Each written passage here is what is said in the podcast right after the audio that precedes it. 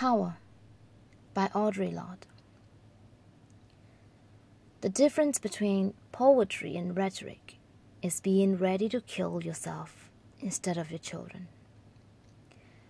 I am trapped on a desert of raw gunshot wounds and a dead child dragging his shattered black face off the edge of my sleep. Blood from his punctured cheeks and shoulders is the only liquid for my eyes, and my stomach churns at the imagined taste while my mouth splits into dry lips. Without loyalty or reason, thirsting for the wetness of his blood as it sinks into the whiteness of the desert where I am lost.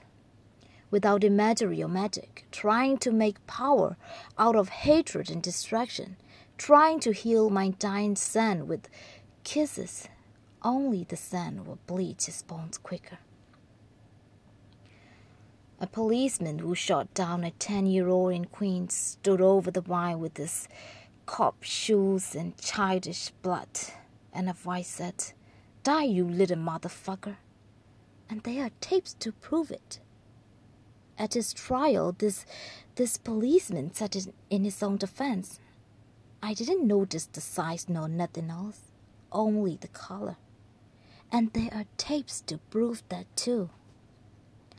Today, that 37 year old white man with 13 years of police forcing was set free by 11 white men who said they were satisfied justice had been done, and one black woman who said they convinced me, meaning they had dragged her four feet ten inch black woman's frame over the hot coals of four centuries of white male approval until she let go the first real power she ever had and lined her own womb with cement to make a graveyard for our children.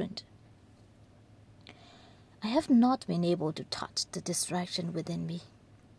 But unless I learn to use the difference between poetry and rhetoric, my power too will run corrupt as poisonous mold or lying limp and useless as an unconnected wire.